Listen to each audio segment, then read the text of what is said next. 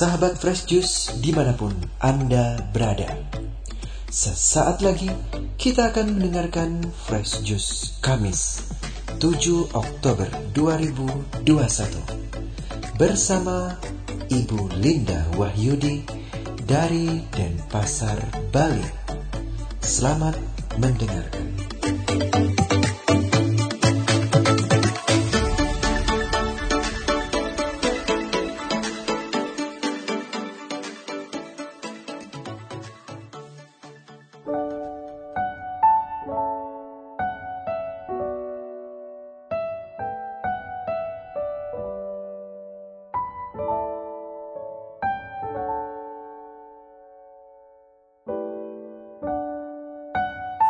Shalom, halo para pendengar dan pewarta Fresh Juice di mana pun berada, jumpa kembali bersama saya Linda Wahyudi dari Denpasar. Hari ini Kamis 7 Oktober 2021 merupakan peringatan wajib Santa Perawan Maria Ratu Rosario. Gereja mengajak kita untuk merenungkan Injil Lukas bab 11 ayat 5 sampai 13. Mari kita bersama-sama mendengarkan Injil Tuhan. Inilah Injil suci menurut Lukas. Dimuliakanlah Tuhan. Pada waktu itu, sesudah mengajar para murid berdoa, Yesus bersabda kepada mereka, "Jika di antara kalian ada yang tengah malam pergi ke rumah seorang sahabatnya dan berkata kepadanya, "Saudara, pinjamilah aku tiga buah roti, sebab seorang sahabatku dalam perjalanan singgah di rumahku, dan aku tidak mempunyai apa-apa untuk dihidangkan kepadanya." Masakan ia yang di dalam rumah itu akan menjawab, "Jangan mengganggu aku, pintu sudah tertutup, dan aku serta anak-anakku sudah tidur. Aku tidak dapat bangun dan memberikannya kepadamu." Aku berkata kepadamu, sekalipun ia tidak mau bangun dan tidak mau memberikan sesuatu, meskipun ia itu sahabatnya, namun karena sikapnya yang tidak malu-malu itu, pasti ia akan bangun dan memberikan apa yang ia perlukan. Oleh karena itu, aku berkata kepadamu, mintalah, maka kamu akan diberi. Carilah, maka kamu akan mendapat. Ketuklah, maka pintu akan dibukakan bagimu. Karena setiap orang yang meminta akan menerima. Setiap orang yang mencari akan mendapat.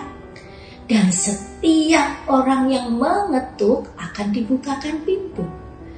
Bapak manakah di antara kalian yang memberi anaknya sebuah batu kalau anaknya minta roti?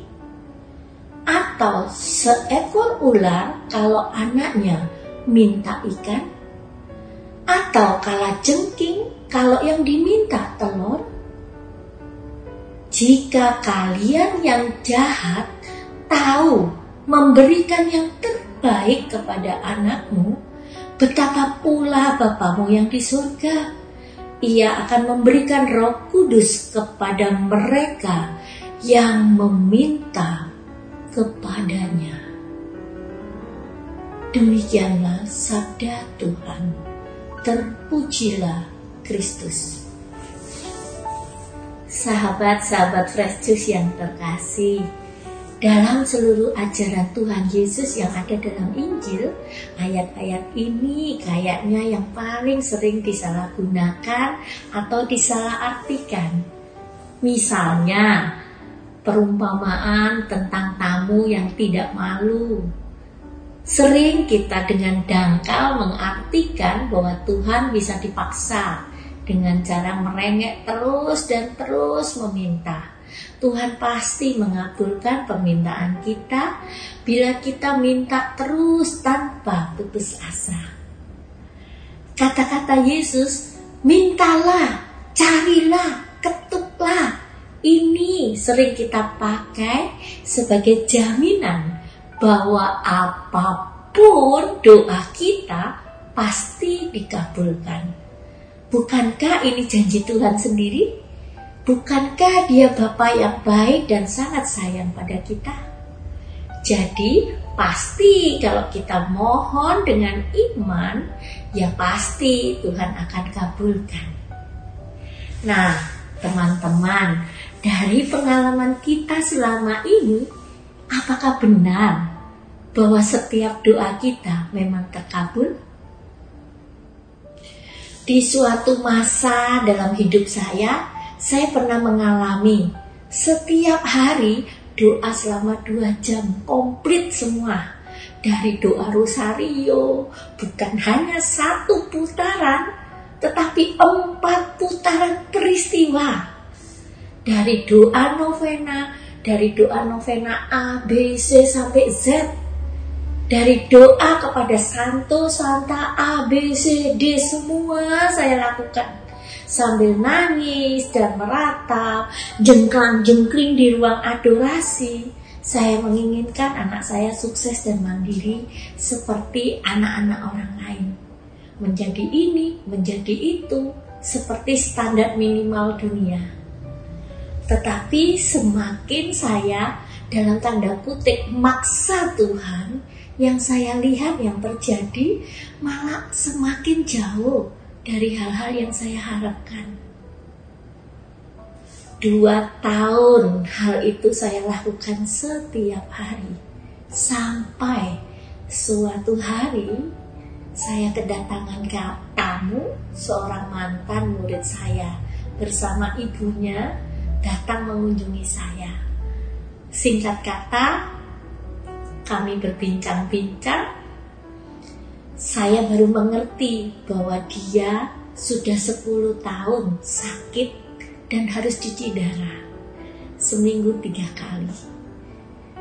Dan yang luar biasanya mereka berulang-ulang kali mengatakan bahwa Tuhan itu baik. Tuhan itu sangat baik.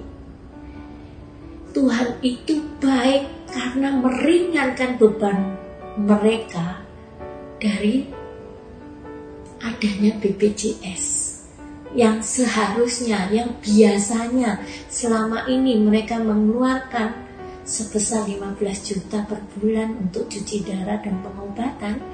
Karena ada BPJS mereka setiap bulannya hanya mengeluarkan 8 juta per bulan. Dan bagi mereka itu sudah pertolongan Tuhan yang luar biasa Nah, teman-teman, sepulang mereka dari rumah saya, saya langsung masuk ke dalam ruangan saya dan berlutut dan bersimpu sampai kepala saya ini menempel ke lantai untuk memohon ampun sama Tuhan.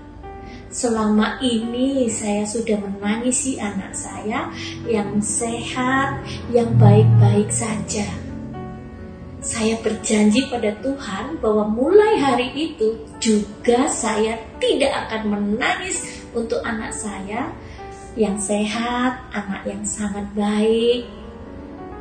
Saya berpikir seberapa kali pun dia mesti dalam tanda petik gagal menurut ukuran dunia selama saya masih bisa dan saya masih kuat saya akan selalu ada untuknya dan saya akan siap mensupport dia.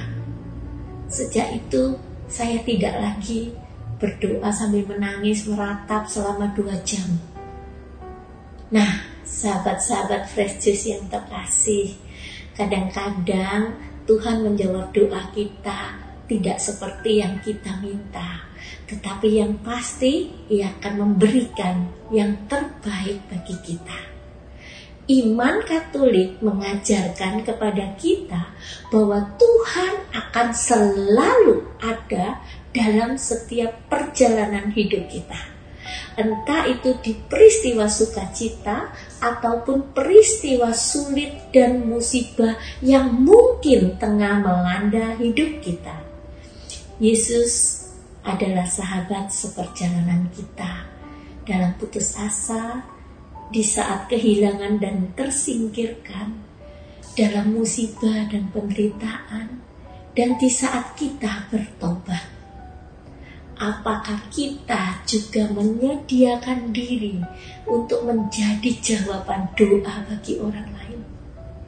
Menjadi sahabat seperjalanan bagi sahabat, saudara, dan sesama kita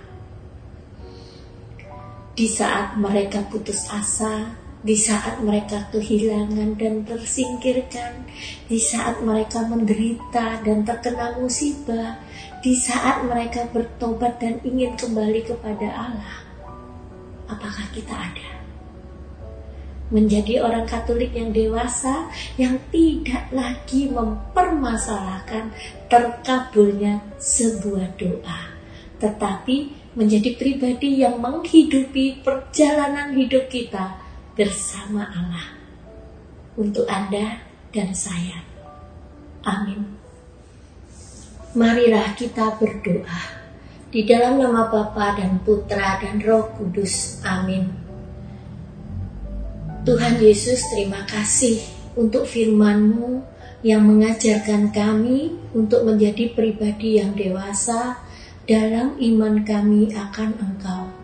Tumbuhkanlah iman kami terus-menerus sampai kami bisa menghidupi kehadiranmu sebagai sahabat seperjalanan kami secara nyata.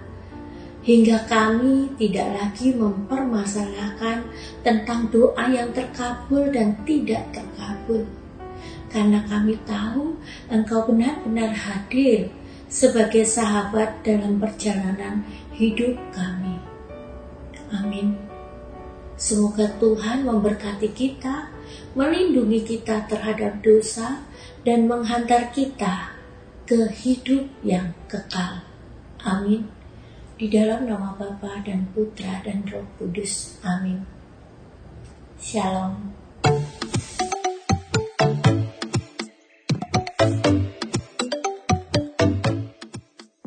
Sahabat Fresh Juice, kita baru saja mendengarkan Fresh Juice Kamis 7 Oktober 2021.